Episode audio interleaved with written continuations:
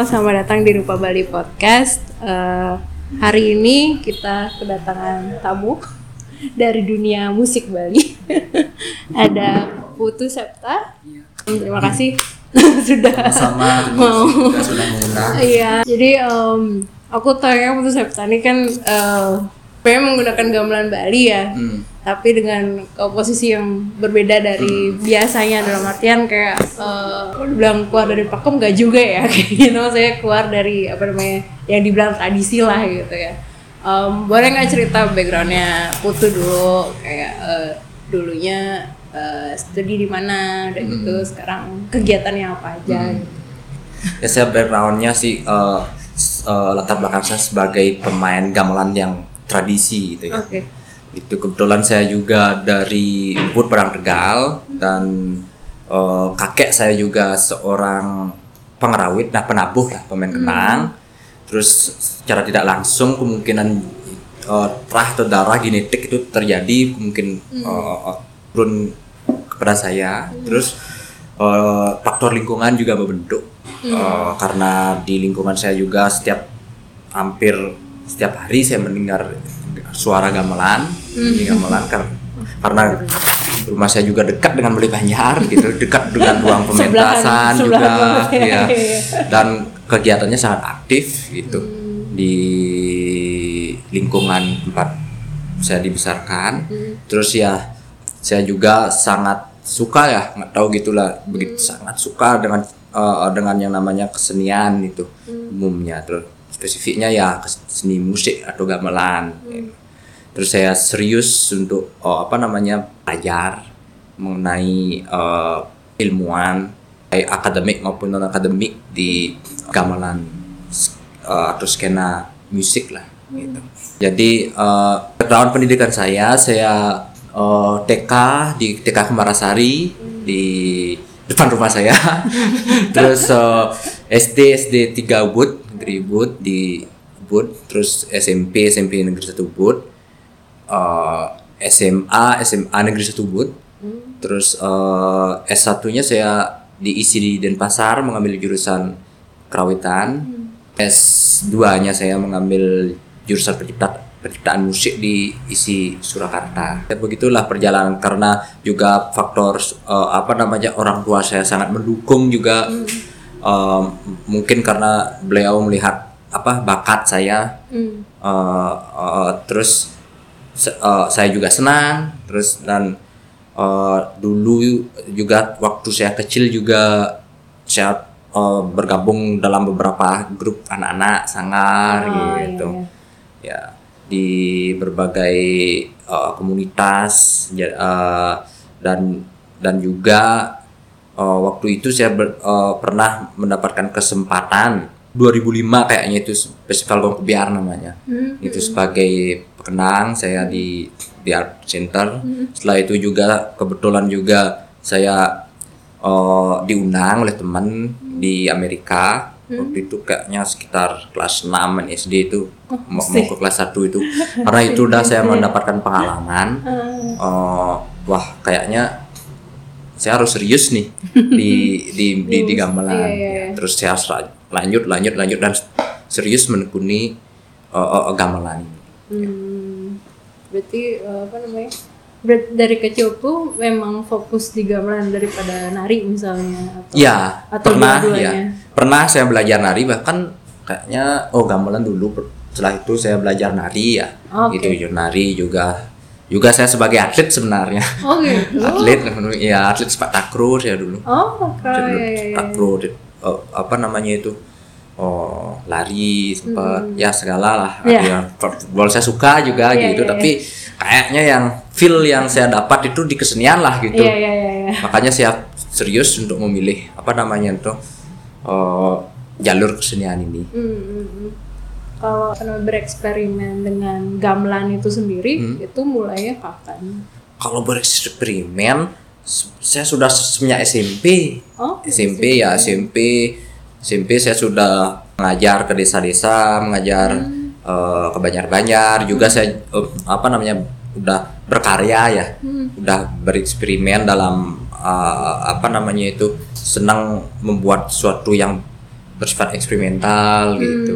Dan kalau saya masih itu kan sangat masih labil juga kan. Saya Iya. bagaimana uh, uh, uh, uh, uh, menyimbangi antara perspektif uh, uh, konteks tradisional juga seperti hal-halnya celenarang gitu musik-musik celenarang terus uh, skena apa uh, uh, uh, Beleganyur untuk apa upacara lah gitu konteksnya di Bali kan uh, sangat itu itulah saya uh, apa nama keliling ber- di berbagai desa di Bali saya mengajar juga di sekolah saya juga sambil saya murid sambil saya mengajar gitu sambil saya jadi SM- SMP SMA itu sambil saya berkarya di sana. Biasanya ada apa waktu itu lomba-lomba gitu Beta Mandala gitu misalnya.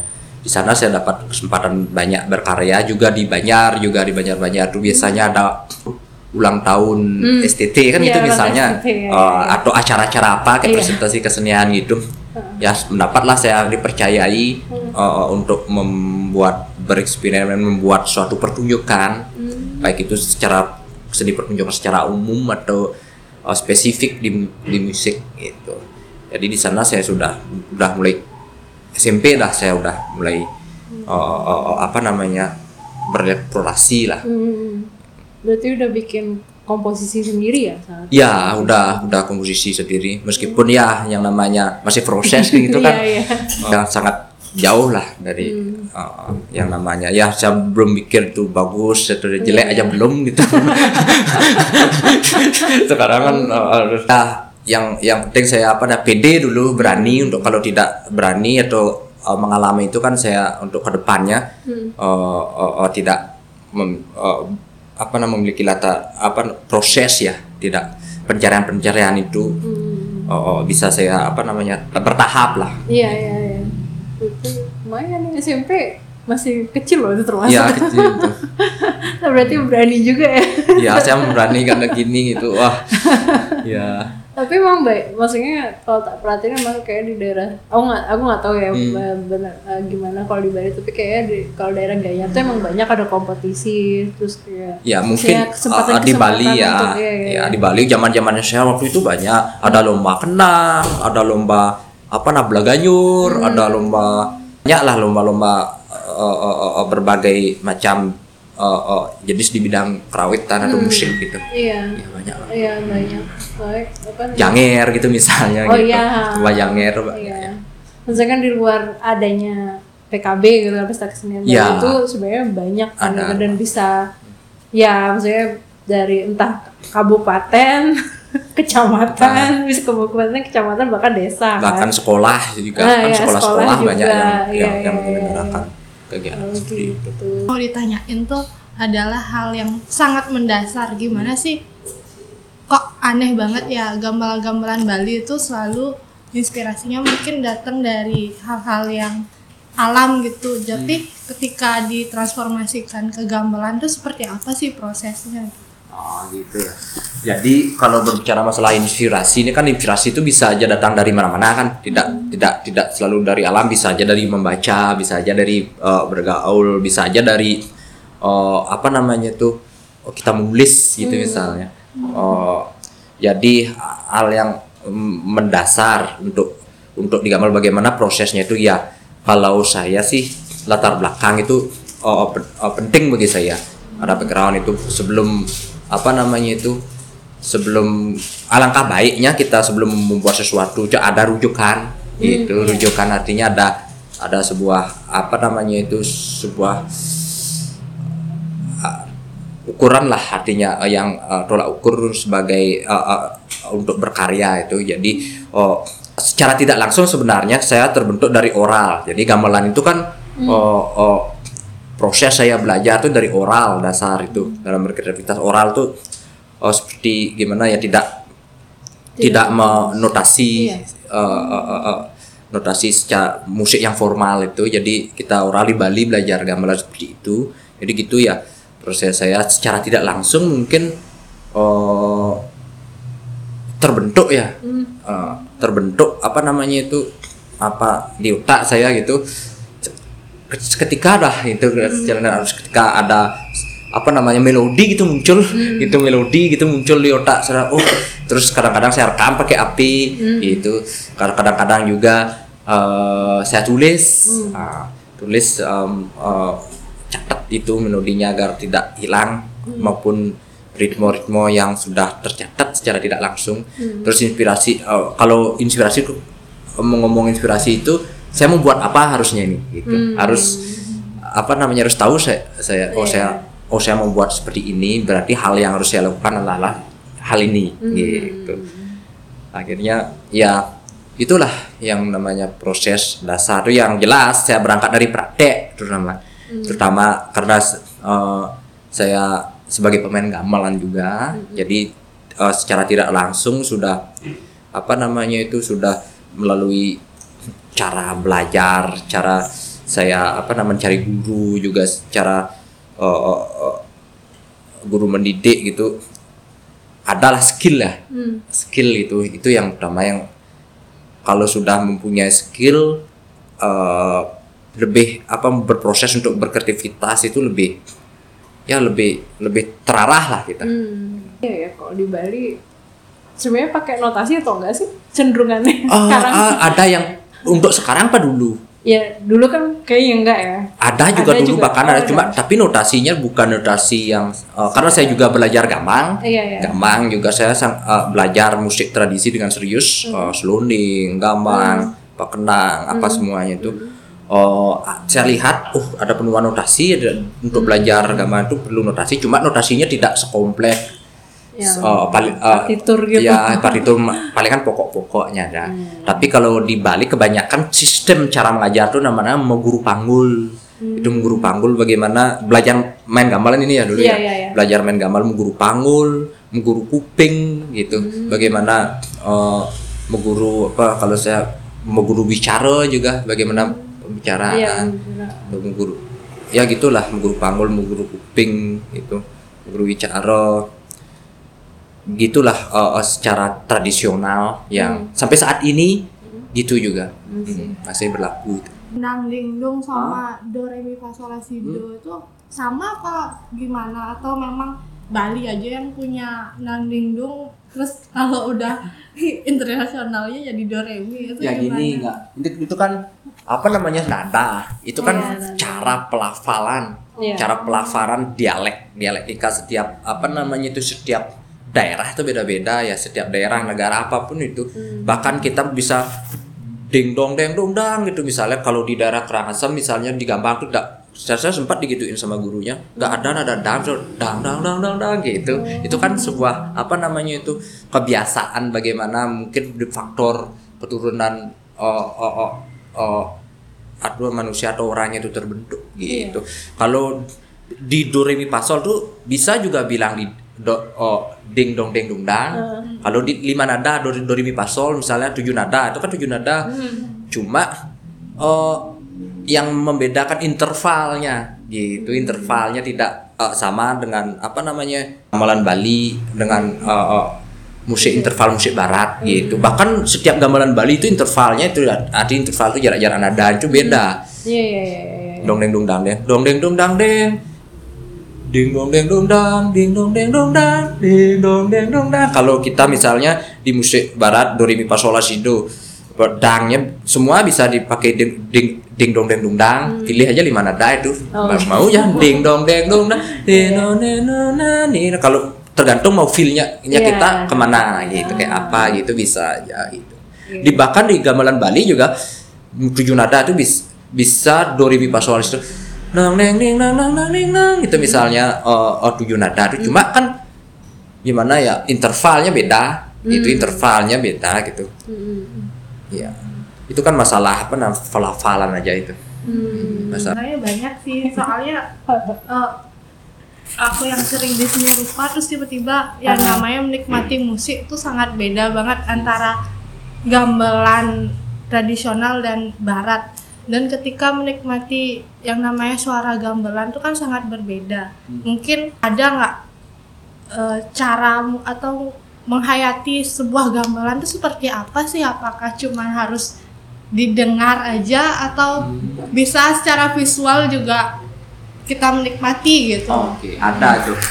Itu perspektif ya dua ada. Jadi kalau saya tuh antara intra musikal dan ekstra musikal, gitu Pak. Jadi intra musikal itu adalah intra bagaimana oh, komponen-komponen unsur-unsur musik itu terbentuk eh, kita paham dengan cara kerjanya. Misalnya gamelan atau musik apa gitu misalnya kita oh ada sistem lapisan, sistem angkap-angkapan. Oh gini kotekannya. Wah, kalau eh, kalau di Bali bilang ah di jalan gitu wah, kayak bisa lah. Jangan ada bisa jalan orang kayak nah ada bisa bagus so jalannya wih cek. dari mana si apresiator itu? Pasti ada eh, cara dia untuk menikmati itu. Ya jadi cara itu kan itu tergantung dengan perspektif masing-masing dari mana dia berangkat. Ada yang cara menggunakan ekstra musikal di luar apa namanya di luar musik itu. Jadi kok konteksnya adalah eh, banyak sebuah konteks kontekstual yang bersifat oh, oh, di luar musikalnya itu ap- ada apa di balik musikal ini? Misalnya hubungannya dengan kebudayaan gitu.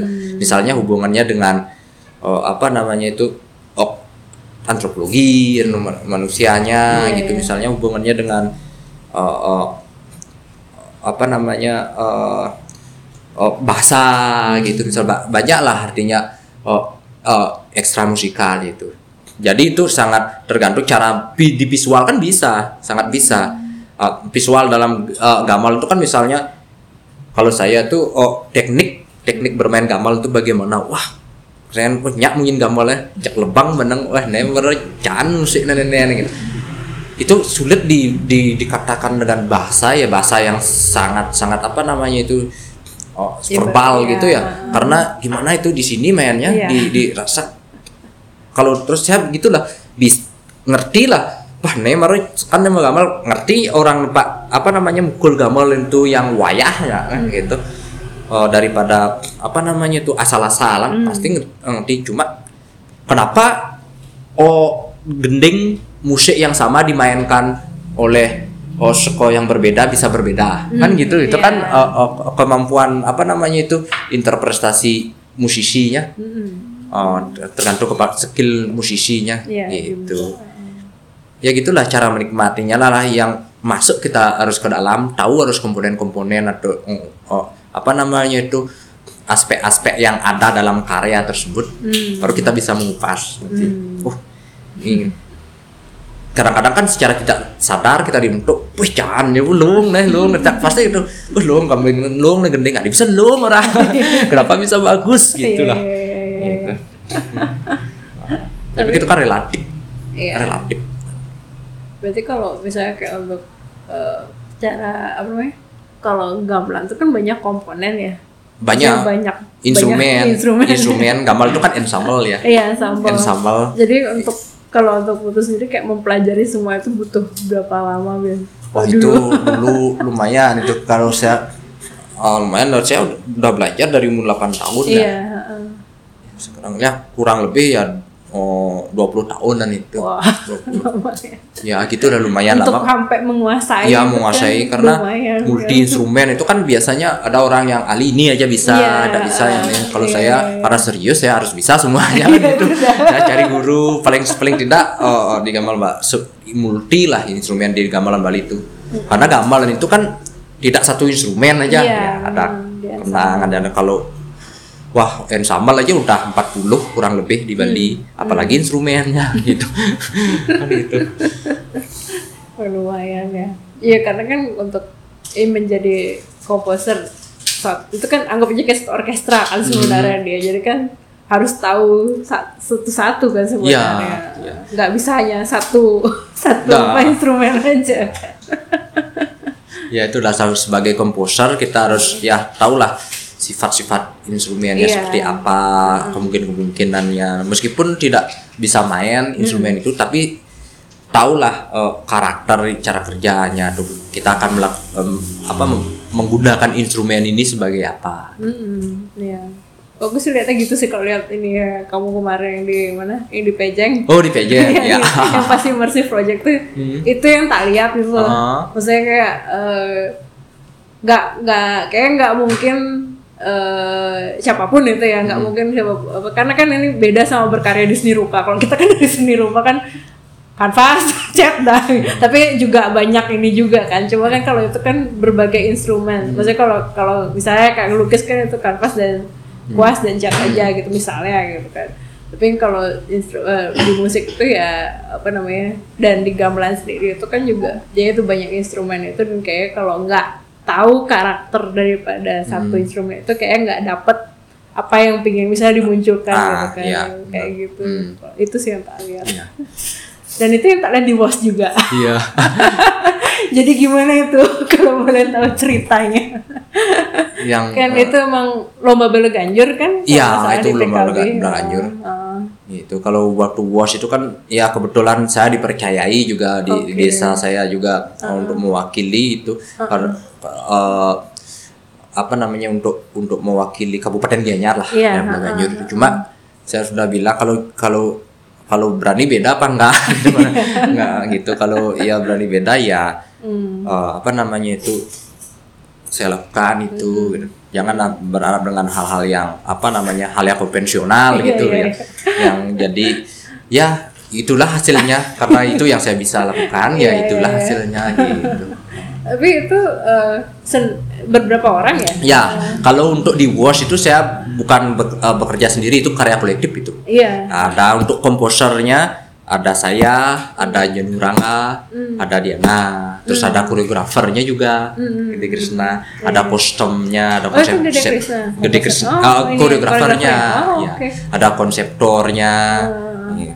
oh Bapak Sudirano itu Hmm. konseptornya, ada oh apa namanya itu oh kostumnya itu Iya. Arso, Arso Wi- Wijayo, Oh. Ah, itu ada make upnya ke adik adik saya gitu Hmm. uh, adik Ika kalau make upnya gitu. terus ada apa namanya itu uh, properti itu misalnya Iya, iya, masalah iya. properti ada beli gading kakak saya sama Pradika tuh. Hmm.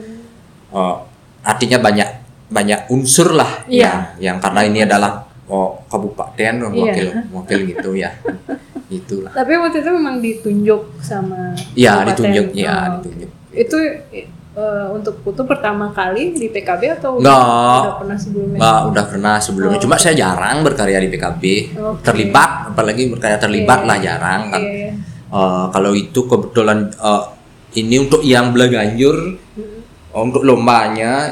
Yang kedua dulu saya pernah menggarap di Kulungkung. Oh. Sebelum-sebelum itu juga yang pawai-pawai gitu itu kan udah bi- Oh, biasa pernah. itu ya. Kalau yang di PKB saya sangat jarang. Oke, berarti yang kemarin tuh yang cukup besar lah si Ya co- wave coba kita gebrak gitu kan kita kalau berani menggebrak berani menanggung risiko terus Iya. kita tanggung jawabnya bagaimana gitu Iya, kan iya, iya. itu pasti ada ada aksi ada reaksi Iya. gitu. kita harus terima dengan apa apa namanya itu hasilnya itu Iya, iya.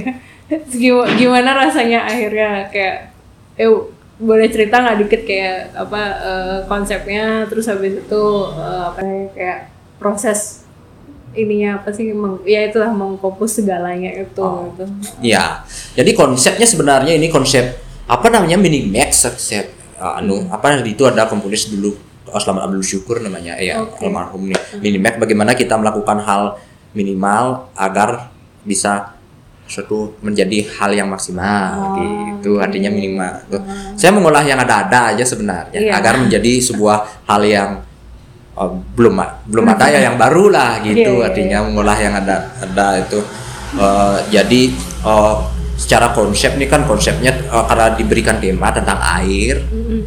jadi ya kita uh, nurut lah tema itu makanya apa namanya wash uh, wave itu kan gelombang gelombang itu kan Iya. offspring gitu uh, ma- mata air gitu kan sudah bagaimana kita apa namanya itu men melakukan tafsir, melakukan interpretasi terhadap air itu simpel sebenarnya. Bagaimana sifat-sifat air yang memasuki celah-celah kecil gitu simpel. Bagaimana dia mengalir dari tempat yang tinggi ke tempat yang rendah, dari mana dia membentuk gelombang gitu vertikal, horizontal gitu.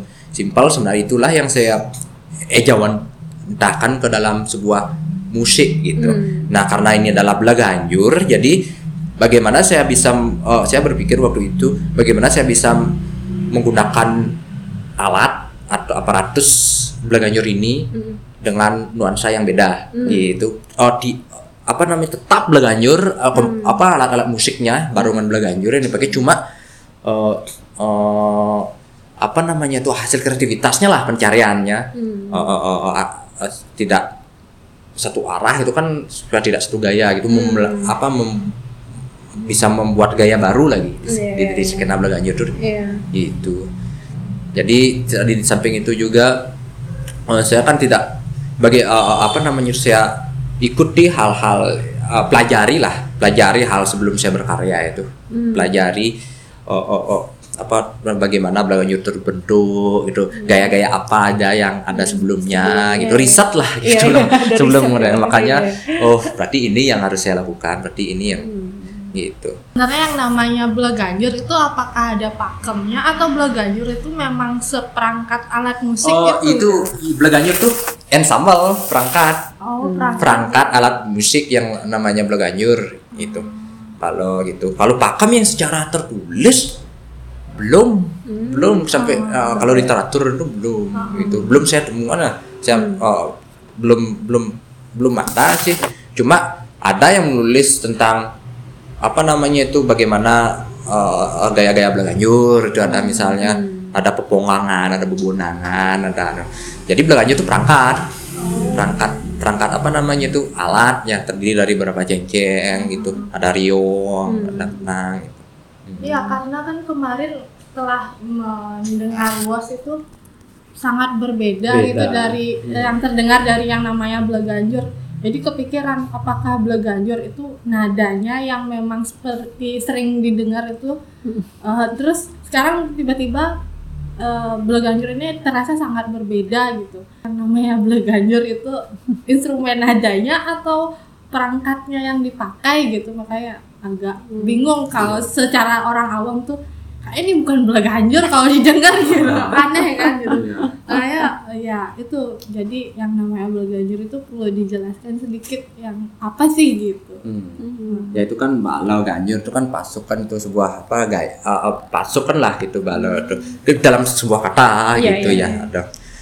Oh, jadi belaganjur tuh arahnya kebanyakan ke perangkat. Perangkat eh, ensemble lah. Seperti ada go, ensemble gong kebiar ensemble semar kubulingan eh, barungan selunding gitu misalnya. Gampang gitu genderanya nih ada belaganjur gitu.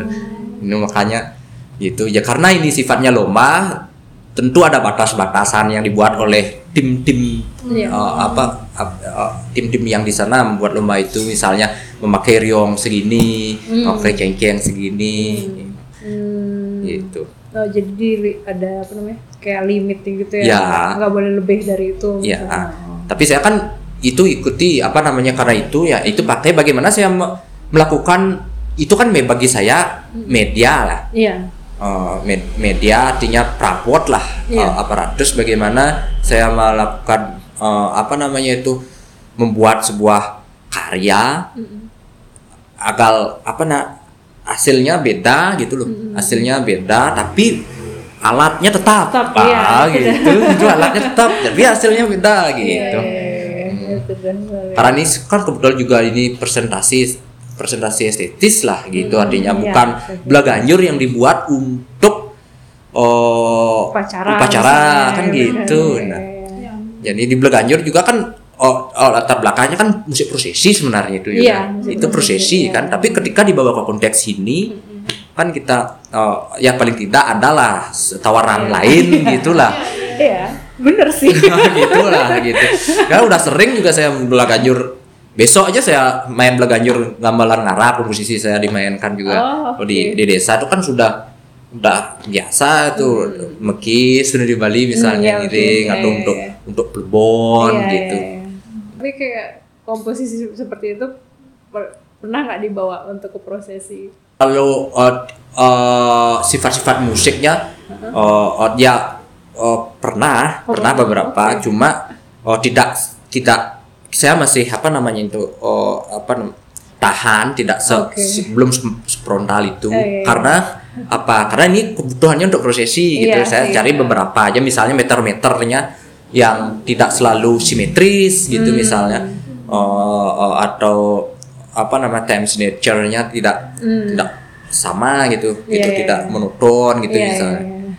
Oh, ornamentasinya gitu Iya, beda iya. ya ya saya menyesuaikan lah Iya. gitu iya, iya. Terus gimana, gimana rasanya maksudnya setelah kan ini tadi aku bilang ada aksi ada reaksi. gimana reaksinya orang-orang waktu itu? ya kan, kan saya apa apa namanya Ini saya ada dua kubu enggak ya? nggak Nggak juga. artinya eh, apa namanya itu ya kan gitu itu kita harus terima kita Iya. berani menawarkan hal yang lain jadi kan otomatis apalagi ini sifatnya lomba Iya. jadi ada yang suka ada yang tidak suka Iya. ada yang terima ada yang tidak terima kan gitu. Ada yang karena pendukungnya sini ini yang didukung karena banyak faktor. Oh, yang yang itu jadi reaksi kan rame waktu itu kan. Iya, rame rame ya, rame sekali dan oh, oh, oh, oh, apa namanya karena itulah terjadi polemik saya kira karena apa namanya karena kita melakukan tawaran hal yang baru itu wajar Hmm. gitu itu pasti ada artinya itu kenapa bisa kenapa yang lain-lain nggak rame kenapa belajar saya aja rame gitu gitu kan itu pasti ada sesuatu lah Iya. yang yang kenapa bisa gitu. Tapi kalau reaksi dari misalnya dari lingkaran eh, musik itu sendiri, musik di Bali sendiri gimana waktu itu mereka? Oh gitu. Musisi, musisi itu kan ya ada yang senang, tetap juga ada yang Sama. senang, ada yang tidak, ada yang terima, ada yang tidak. Tapi kebanyakan ya kalau orang-orang muda kan kebanyakan anu dia terima karena dia mas, apa namanya itu oh Pingin apa, ya ingin pingin punya- berkembang, berkembang gitulah. iya, ya. iya, iya. Bagi orang yang ingin berkembang ya terima. Bagi orang kan banyak faktor di sana ada Iya. faktor apa maaf ini politik itu Iya, iya, misalnya iya, iya, iya. ada faktor kekuasaan gitu misalnya kan nggak di, di di luar itu saya kan berka- berkarya sejujur jujurnya artinya se- itulah yang saya uh, bisa ya ya itu saya Iya, buat iya. gitu entah entah itu. Yang penting saya jelas Iya. ide antara ide konsep gagasan uh, atau output yang ingin saya oh, oh, capai itu. Di gaya musik yang seperti di was kemarin tuh memang benar-benar Pena sendiri ngerasanya cukup baru sekali dan rasain alat musik Bali itu bisa menjadi memvisualkan suara air bener air bisa keterima dengan maksudnya nalar yang yang nggak paham musik lah gitu. Iya. Oh ini ngerasa banget memang suara air walaupun ini pakai gamelan Bali gitu. Mungkin akan ada lagi tidak semacam kayak was kemarin di pegelaran Bali yang lainnya mungkin. Oh, kalau oh, kalau di sana kan ya, saya belum tahu untuk a- ada dan tidaknya gitu. Yang jelas saya kan ini saya terus eh, untuk berkreativitas gitu. Kalau itu kan eh, media yang penyedia ruang gitu lah. Itu saya belum tahu untuk ke depannya mungkin aja ada, mungkin aja tidak. Itu karena eh, apa ruang-ruang untuk mempresentasikan kesenian yang bersifat baru itu oh, sangat Belum Sa- banyak, di, di iya. Bali itu sangat susah dan memang sangat jarang ada gitu. Jadi saat ini eh, Putu misalnya kalau kalau di kalau misalnya kayak di di desa Putu kan emang atau di Banjar Putu kan udah ada nih pasti kayak untuk prosesi-prosesi gitu kan. Berarti kalau untuk karya Putu yang tadi bilang kayak apa namanya ya ada unsur estetis yang dimasukkan itu Hmm. berarti itu kecenderungannya di apa namanya hampir bilang dipamerkan dipertunjukkan dipentaskan tuh di mana aja Ah kayak, gitu ya. Ya kebetulan juga misalnya apa nama ada teman-teman yang oh peduli Hmm. care dengan dengan dengan itu biasanya gitulah seperti di kan, Oke, tahu ah, kan Kota Tuhen. Tuhen Ah. di mana saya uh, uh, di- pentaskan di di waktu dulu teman-teman praksi Epos juga buat acara ya Iya, di fraksi pos. ya praksi Aku datang Epos kan. Iya. iya padahal Oh. aku yang nggak sempet dia yang sempet. Oh, ya. Salah satu Gitu. pertunjukannya berarti waktu itu di fraksi apa? Ya, salah satu pertunjukan. Fraksi Epos gitu sama teman-teman fraksi Epos lah. Hmm. di di di sana juga. Di mana ya eh, biasanya di Ubud sih biasanya saya buat di gitu atau pentas yang independen biasanya. Eh, dulu ada namanya komponis kini di Oke. Bentara Budaya. Ah, Bentara iya, Budaya iya, Bali iya, ya itu bagus di sana biasanya. Eh, ada presentasi-presentasi musik-musik yang memang ya eh, untuk dipresentasikan estetis lah Iya, gitu. iya, iya. di sana ada Eh, terus nah kalau ruang ada aja eh, gitu di misalnya waktu ini saya di Joyland main juga ada Oh, di di iya, Joyland iya, iya. gitu di PJM waktu itu kan udah kan Iya, di PJM PJM, gitu iya. ada Terus ini gitu immersive project ya ke- kebanyakan gitulah artinya eh, di ruang-ruang tuh cari-cari eh, musik tapi juga mencari ruang gitu artinya sejalan eh, Iya, iya. Anda- Sambil ah, jalan sambil gitu. jalan gitu artinya karena ruang-ruang yang gini tidak sulit kita jumpai Hmm. gitu kecuali ruang-ruang yang memang sudah flat ada kebutuhan gini kebutuhan gitu kan Hmm. lah, jelas Iya, tuh udah jelas. banyak Iya. ada Iya, iya, iya, iya. gitu pikirannya gini apakah ada yang berargumen nggak kalau kompos sama Put itu ini masuk sound atau masuk musik gitu sound atau kayak Ah, sound Bunyi. sound art gitu ya bunyi ya. Ah. Ada nggak yang udah berargumen gitu sebelumnya oh tentang karyanya saya Iya, karyanya. Kan, kalau itu kan oh, sound gitu ya itu itu itu sangat oh, fleksibel Iya ya sih. fleks, fleks- fleksibel itu sound art artinya oh ini musik ini sound kan sound jelas musik Iya. sangat berhubung dengan sound Iya, kan itu iya. pasti itu karena musik itu kan basicnya bunyi kan Iya, ya bagaimana kita iya. bunyi gitu artinya ya ya bagi anu sih ba- banyak sebenarnya ini musik gitu iya udah ya oke ya Lebih- nggak lah terlalu apa namanya itu kalau masalah itu nggak nggak terlalu dipermasalahkan secara Oke. Soalnya aku ngeliatnya ya memang bisa keduanya sih. Bisa, Maksudnya gitu. kalau kalau aku sih ini perspektif seni rupa ya. Hmm, iya benar. Sedikit apa namanya kalau aku lihat mungkin karya Septa tuh bisa bisa di menjadi art tersendiri gitu. Iya. Aku ngeliatnya gitu. Iya. gitu. Jadi aku penasaran aja udah ada nggak yang yang berargumen gitu gitu. Kalau misalnya kalau dibawa ya di, di biasanya dibawa ke barat gitu ke Hmm. Eropa gitu kan. Wah ini kan kayak sound di belakang. Iya. Kemungkinan kemungkinan itu di belakang sound kan ada. Gitu. Iya. Karena waktu itu pernah di em, aku juga punya teman musik Hmm. waktu kuliah di luar eh, kebetulan di London nah terus dia tuh masuk eh dia itu ikutan komunitas apa gitu dan itu lebih ke sound gitu. Hmm.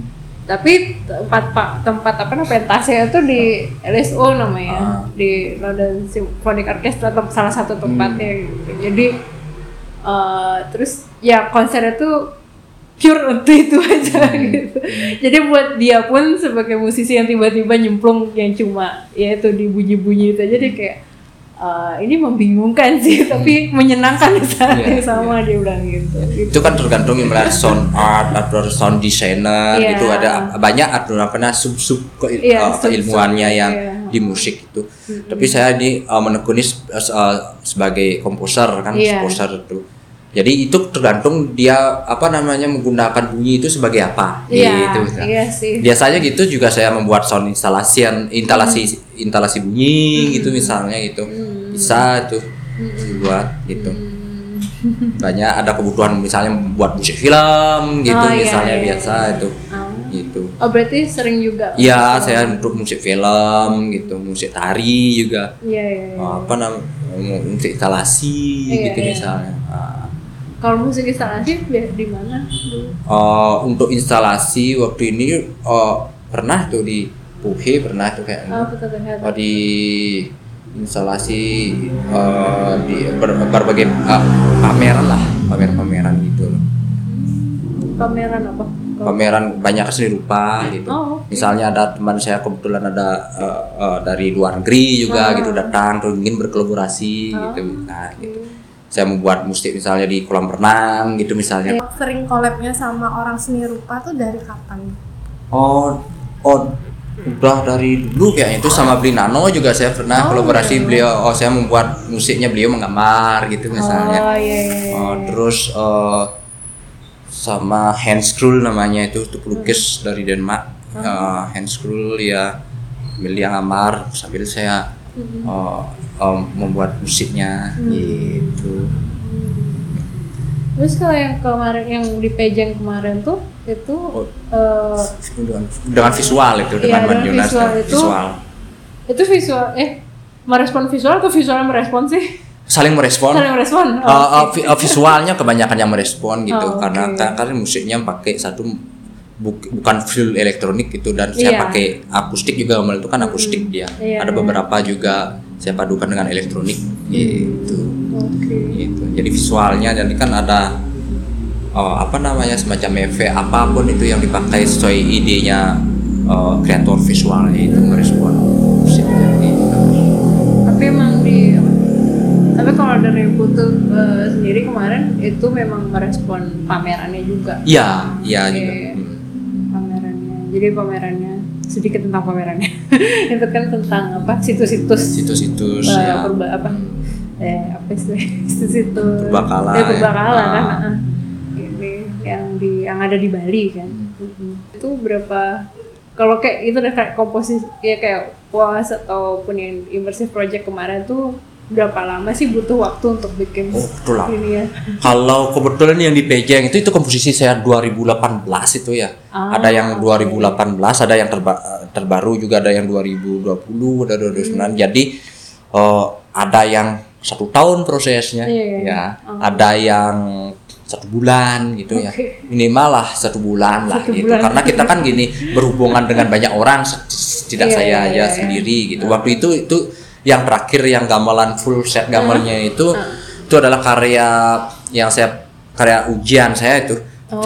bagian dari ujian saya. Kan ba- banyak karya ujian saya Iya, waktu iya, itu. iya, itu bagian dari ujian saya itu.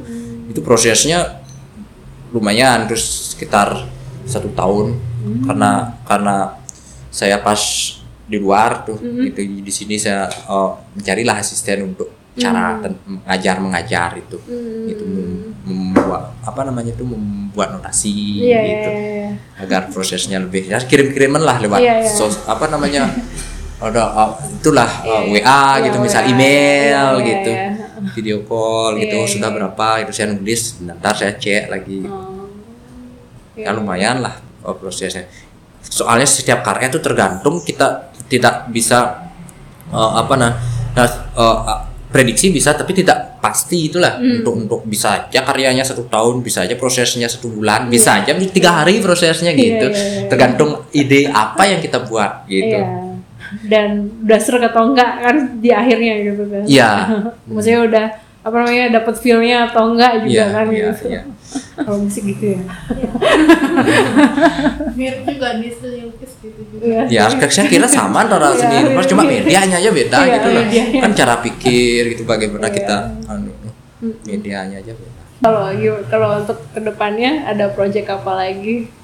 Ya ada lah, saya rencananya saya mau apa ya buat album, nih, Oh, oke. album terus ada beberapa apa namanya teman apa kolaborasi lah eh, Hmm. dari eh, teman di luar Hmm. negeri gitu nanti ingin membuat komposisi di Hmm. grup saya yang namanya Natal Suara itu nanti itu album terus beberapa pentas terus ya jelas saya harus terus mencari sesuatu ya ide ada juga cuma ken- kendala waktu biasanya karena harus ini itu Itu, ini itu itu, ini itu iya. lakukan ini itu jadi kadang-kadang untuk meluapkan uh, dari beberapa ide-ide yang ingin saya apa agak tuh agak tertunda dia Iya, iya. gitu kecuali ya yang namanya gitu kan kita juga butuh untuk hidup gitu Iya. ya gitu butuh untuk hidup terus eh, apa namanya tuh ide idealis idealisme kita supaya jalan juga Iya. gitu gimana caranya menyimbang persepsi ini gitu. Iya, iya. Berarti sekarang kegiatan sehari-harinya jadi eh, di mana aja? Iya, Di- jadi kegiatan saya sehari-hari mengaj- eh, eh, eh, mengajar misalnya ada orang yang ingin privat gamelan Oh, gitu misalnya instrumen Iya. tuh tuh terus eh, saya membuat musik sih itu Iya, yang iya, yang iya. yang yang sering yang mayornya tuh misalnya ada musik pesan musik apa misal tari musik untuk video Iya, iya. musik untuk trailer gitu untuk film apa gitu misalnya. Ya itu juga. Terus berproses berkarya juga tetap saya untuk berkarya yang oh, oh, apa namanya spesifik untuk ideologi individual saya gitu itu tetap gitu. Ya jadi sebagai musisi juga saya Iya. ya, musisi pengaji, pengajar mis- uh, pengajar ya di, di rumah ya saya buka anu rumah itu dan Oke. komposer sebagai pembuat musik itu Iya, iya. sehari-hari Hmm. Berarti na- nata suara tuh sang sanggar bukan? ya kalau dibilang bisa apa aja bisa Oh, bisa. oh komunitas bisa sangar Oh, bisa oke, kan bisa. Oh. sangar bisa Itu dibilang memang yang eh, Grup, iya. ya berhubungan sama putu. Iya. emang yang putu aja collab. Ya memang saya saya tuh bentuk nada suara bentuk, itu oh. udah 2009 saya bentuk Oh. udah waktu SMP saya bentuk itu Oh. cita-cita saya memang apa namanya itu oh, ingin pokoknya saya harus punya grup Iya, eh, iya. tidak harusnya alangkah baiknya bisa punya grup bisa punya gamelan itu Iya. jadi seiring berjalan zaman oh, seiring berjalannya waktu Waktu, gitu saya dapat kerja dari sini dari situ saya oh apa namanya itu kumpulin hasilnya itu saya buatkan instrumen sedikit demi sedikit gitu Ah. Terus akhirnya waktu itu saya punya 2013 ya eh, eh, eh, itu instrumennya jadi lah udah udah gitu dan akhirnya bersyukur saya bisa apa namanya itu mempunyai alat lah Iya, gitu iya, untuk iya. untuk modal ya Iya, untuk iya. untuk berkreativitas itu Iya iya iya. Oh gitu. Dulu tidak nata suara namanya nata raja gitu. Itu berubah berubah berubah. Ah kayaknya ini nata suara yang pas gitu. Akhirnya ya pemimpinan ada sebagai artinya apa namanya itu untuk mengajar orang-orang yang dari nol juga yang tidak bisa bisa. Terus sebagai profesional atau musisi-musisi yang profesional sebagai grup itu juga Ada. ya ada gitu, Gitu. Nanti sebagai kakak sebagai kurator bisa menyambungkan seni rupa sama musik itu ya itu sangat jarang soalnya kan Itu- itu nah yang namanya pertunjukan sama seni rupa tuh jadi dua kubu gimana mereka akan berkolaborasi bersama Jangan aku aja dong, kamu juga. ya mudah-mudahan Iya, itu mimpi sih. Jujur aja. ada ada sih saatnya kayak penasaran. Apa ya? Karena aku nggak tahu ya kalau di kalau sirup kan udah banyak macamnya juga ya. Hmm, ya, banyak. Udah yang dibilang kontemporer itu udah nggak ini udah nggak kesekat-sekat lagi jadi Oh. apa namanya ya di, di saat yang sama ya ya entah itu sound atau musik itu kan sebenarnya masuk kan gitu. Ada sih cuma belum. Mungkin nanti. Mungkin nanti next ya. Project nanti oke oke makasih banyak ya nih sama-sama Demikian episode kali ini. Eh, semoga bermanfaat. Eh, jangan lupa eh, follow Instagram kami di @rupabali_podcast untuk update-update selanjutnya dan juga silakan kirim eh, kritik saran di email yang tertera di Spotify kami. Sampai jumpa di episode selanjutnya.